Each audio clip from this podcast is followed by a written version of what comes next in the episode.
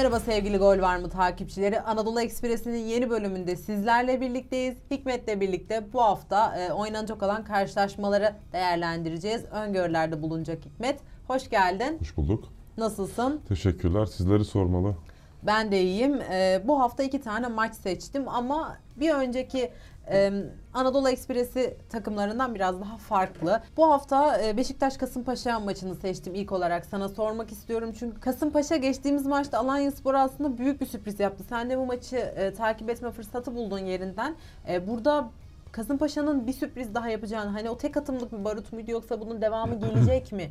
E, alan e, devamı gelecek mi Kasımpaşa için? Bunu sormak istiyorum ilk olarak sana. Şimdi e, Kasımpaşa Alanya Spor maçında Kasımpaşa ile alakalı ölçü teşkil edebilecek hiçbir dona yoktu diyebilirim en başta.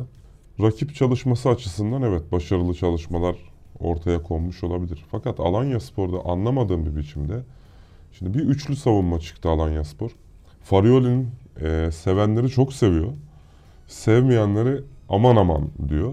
İkiye bölmüş durumda Farioli'nin oyun anlayışı şu anda. Topla oynayan takımlar içerisinde baktığımızda Alanya Spor'un topa hakimiyeti bariz bir şekilde diğer takımlardan daha önde. Bu maçta yaptıklarını değerlendirmeye çalışalım diyeceğim. Ee, savunmanın ortasında Leroy Fer oynadı. İki tane stoper bek gibi konumlandı. Orta saha oyuncuları e, topu aldığında dönemeyecek profilde oyuncular. Alanya Spor ileri uzun vurmak haricinde bir varyasyonu kalmadı. Kasımpaşa'nın da bu noktada Alanya Spor'un uzun atacaklarını süpürmenin haricinde yapması gereken bir şey olmadı. Frikik golü mükemmel bir goldü. Ona hiç söyleyecek bir şeyim yok. Müthiş vurdu oradan. Ee, doğru köşeyi buldu. Kaleci fotoğraf çektirdi o frikik pozisyonunda. Şimdi Alanya'nın oyun anlayışına karşı Kasımpaşa'nın zaten çok fazla bir şey yapmasına gerek yoktu. Doğru şekilde birinci ve ikinci bölgede beklerse Kasımpaşa, Alanya zaten 2-3 pas opsiyonundan sonra uzun vurmak zorunda kalıyor. İşte Yusuf Özdemir'i sık sık kaçırmaya çalıştılar. İlk yarının sanıyorum ki 40 dakikası boyunca çocuk devamlı savunma arkası koşu attı. Çok enerjik bir çocuk. Fiziksel olarak kendisini geliştirdiği zaman daha durdurulamaz bir oyuncuya dönüşecektir muhtemelen. Bunların hepsini anlıyorum fakat bu varyasyonu çözen takımlara karşı devamlı aynı şeyi denemek yetenek skalasını daraltır oyuncunun. Bir stoperin üstüne koşu attı, bir bekin üstüne koşu attı. İşte bir içeriye doğru toplandı. Efecan en serbest oyuncusu Alanya Spor'un. Merkeze de geldi, sola da yaklaştı, sağa da açıldı. Santrfor'un arkasına da gitti. Efecan'ın haricinde bütün takımın yapacağı şeyler belli. Fakat bu şöyle bir dezavantaj yaratıyor. Benim açımdan da belli. Yani ben izlerken ben de biliyorum şunu yapacak. Ee, Birinci opsiyonu şu, ikinci Çok opsiyonu bu öngörülebilir bir hale geldi şu anda. Yani üçlü de oynasa, dörtlü de oynasa aynı Alanya Spor. Yapacağı belli. Şimdi Selçuk Hoca bu noktada Alanya Spor'un birincil pas opsiyonlarını es geçmiş, ikincil pas opsiyonlarının kanallarını kapatmış, üçüncü bölgeye uzun vurdurmasını sağlamış Farioli'nin. Kenara baktığımda ben şimdi maçları izlerken hem oynanan oyunu hem de teknik direktörleri izlemeye çalışıyorum. Şimdi Farioli'nin ne istediğine bakmaya çalıştım işte maç boyunca. Farioli normal şartlar altında yani skor 4 farklı da olsa bunu istiyor zaten. Yani Farioli'nin skordan dolayı bir sıkıntısı yok. Gol yedikten sonra kalecisine kızıyor yani da çabuk topu santraya götür. Çabuk atın bir an önce tekrar başlayalım gibi.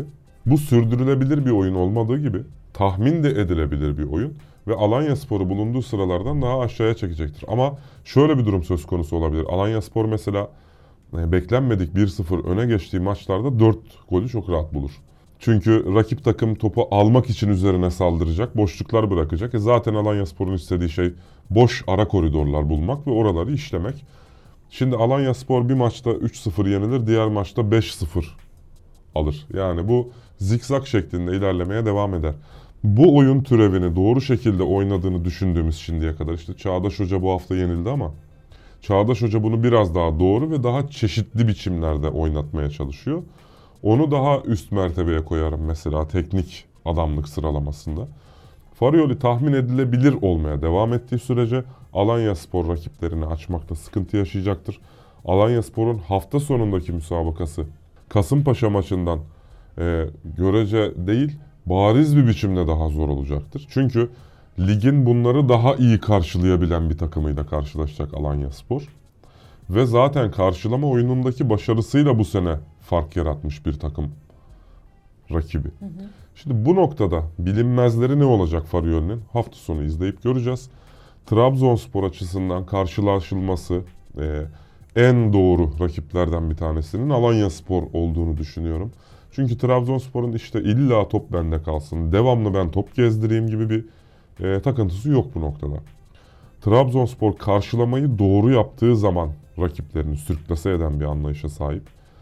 Alanya'nın topa hakimiyeti her ne olursa olsun Trabzonspor konumlanmasını bozmazsa Alanya Spor e, ikinci bölgeyi transit geçip üçüncü bölgede arkalara adam sarkıtmak dışında bir opsiyonu kalmayacak.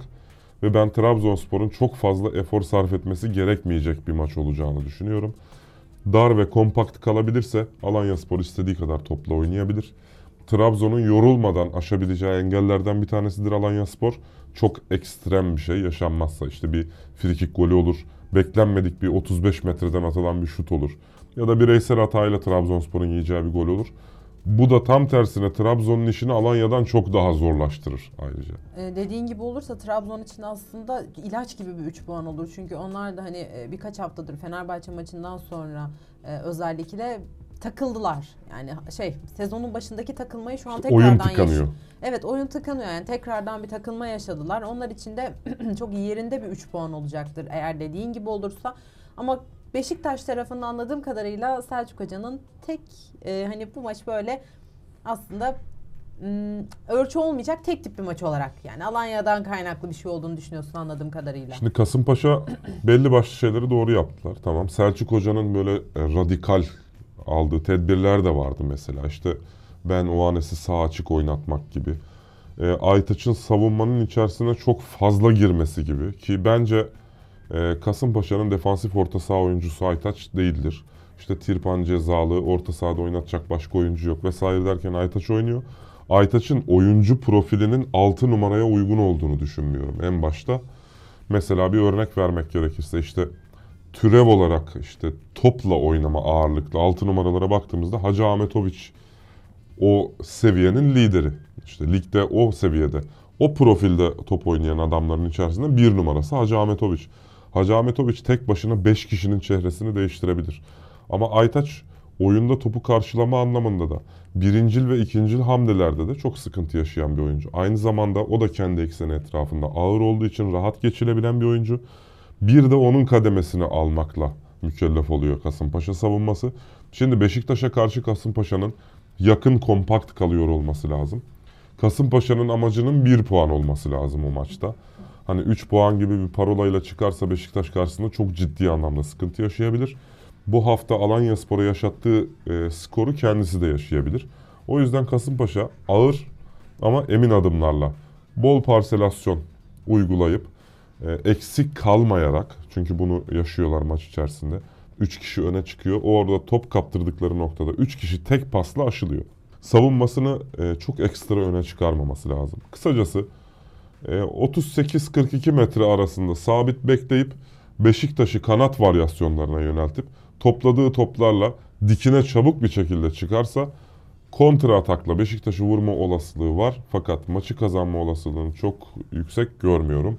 E, Alanya Spor'un oyun anlayışı Selçuk Hoca'ya Bunu sundu 4 aslında. gollü bir galibiyet verdi diye Evet. düşünüyorum.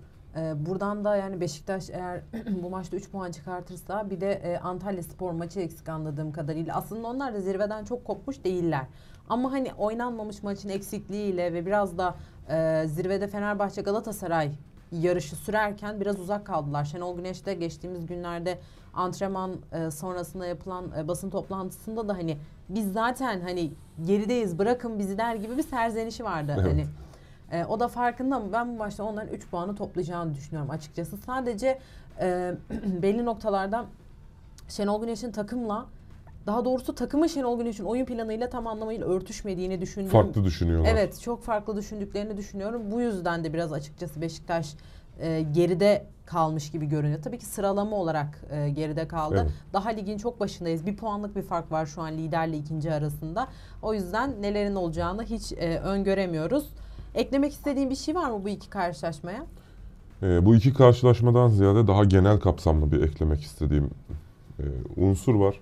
Dünya Kupası'nın dünya futboluna kazandırdığı şeylerden bir tanesi topa hakimiyet oranınızın yüzdesinin, topla oynama adedinizin aslında skorla doğru orantılı olmadığını gösterdi bize Dünya Kupası. Dünya Kupası'nda yer alan takımların başarılı olarak addedilen kısmı oyunu doğru karşıladıkları için başarılı oldular. Karşılama oyunundan sonra bir sonraki hücum aksiyonlarına planlı programlı gittikleri için başarılı oldular. Yani ben %70 topla oynayayım, oyun benim hakimiyetimde geçsin ama 3 tane gol yiyeyim anlayışının e, çok revaçta olmadığını ve bundan sonraki süreçte de olmayacağının en bariz göstergesi Dünya Kupası oldu. Çok e, bana sempatik görünen bir Dünya Kupası değildi ama benim beğendiğim, kabul ettiğim ve izlediğim maçlarda ön plana çıkardığım karşılama oyunu ve savunma hücum arasındaki geçiş sekanslarını planlı uygulayan takımların başarılı olmasını istediğim takımların orada bunları yaparak başarılı olduklarını gördüm. Bu noktada mesela bana faydalı oldu. Doğru karşılama yapan takımlar bütçesinden bağımsız, tabi bütçeden nasıl bağımsız? Real Madrid'le oynarken bağımsız değil. Tabii. Yani Alanya Spor Kayseri ile oynarken bütçeden bağımsız misal. Bütçeden bağımsız sizi hedefe ulaştırabildiğini gördük. Arjantin bu şekilde kupa aldı. Fransa bu şekilde öyle deliler gibi topa takip, sahip olup sabahtan akşama kadar pas yaparak değil, doğru pas yaparak rakiplerini vurdu. Bu şekilde finale çıktı ve diğer bütün takımlar işte İspanya'yı gördünüz. Bol miktarda topla oynayalım. Top hep bende kalsın. Rakip hiç topa temas bile etmesin diyen İspanya çeyrek göremedi. Ya evet çok şaşkınlıklarla dolu bir Dünya Kupası'ydı bu arada. O dosyayı açacak olursak şaşkınlıklar ve sürprizler hiç bitmez. Anadolu Ekspresi'nde seçtiğimiz takımlarla Dünya Kupası'nın yansımalarını görüyoruz. E, Keza ligdeki diğer maçlarda da görüyoruz zaten. E, Burada da farklı takımları konuşmaya devam edeceğiz. Birazcık ara verdik e, Kayseri, Sivas, Konya gibi takımlara. Çünkü öteki taraftan bizi şaşırtan sonuçlar ve oyunlar oldu. Bu yüzden buna yönelik seçiyoruz e, buradaki takımları Hikmet'le birlikte. E, Eklemek istediğim başka bir şey yoksa kapatalım. Selçuk hocama bundan sonraki süreçte başarılar diliyorum. Ee, ben kendisini yerinde takip etmeye devam edeceğim. Zor bir görev üstlendi. Bugün bu programı almamızın sebebi de mevcut kadro yapısıyla ligdeki pozisyonunu baz alarak Selçuk hocanın da yeni göreve başlamış olduğunu e, bilerek Alanya Spor gibi ligdeki diğer takımlardan farklı anlayışla sahaya çıkan bir takıma karşı neler yaptığını irdelemek içindi. Bu programı alma gerekçemiz. Bundan sonraki süreçte e, kendilerine başarılar diliyorum. Karşılama oyunu aslında e, 10 yıllardır Anadolu takımlarının oynadığı oyununa verilen isimdir. Şu anda dünya futbolunda revaçta olan da odur. Büyük kulüplerimizin e, Galatasaray, Fenerbahçe, görece Beşiktaş'la ve Trabzonspor'un da oyunun ağırlıklı merkezinde bunları oynadığını görüyoruz. Artık bütün takımların bu noktada ortak noktası karşılama oyunu. Bunu da Anadolu takımlarından yukarıya doğru baktığımızda görüyoruz. Bunu irdelemek oldukça keyifliydi. Bundan sonraki haftalarda Anadolu Ekspresi'nde alacağımız takımlar değişebilir. Takımların gösterdikleri saha içi skordan bağımsız performanslar belirleyici olacaktır. Konuşulmasını istediğiniz takımlar varsa sizleri yoruma davet ediyorum. Bir sonraki hafta Anadolu Ekspresi'nde görüşmek üzere.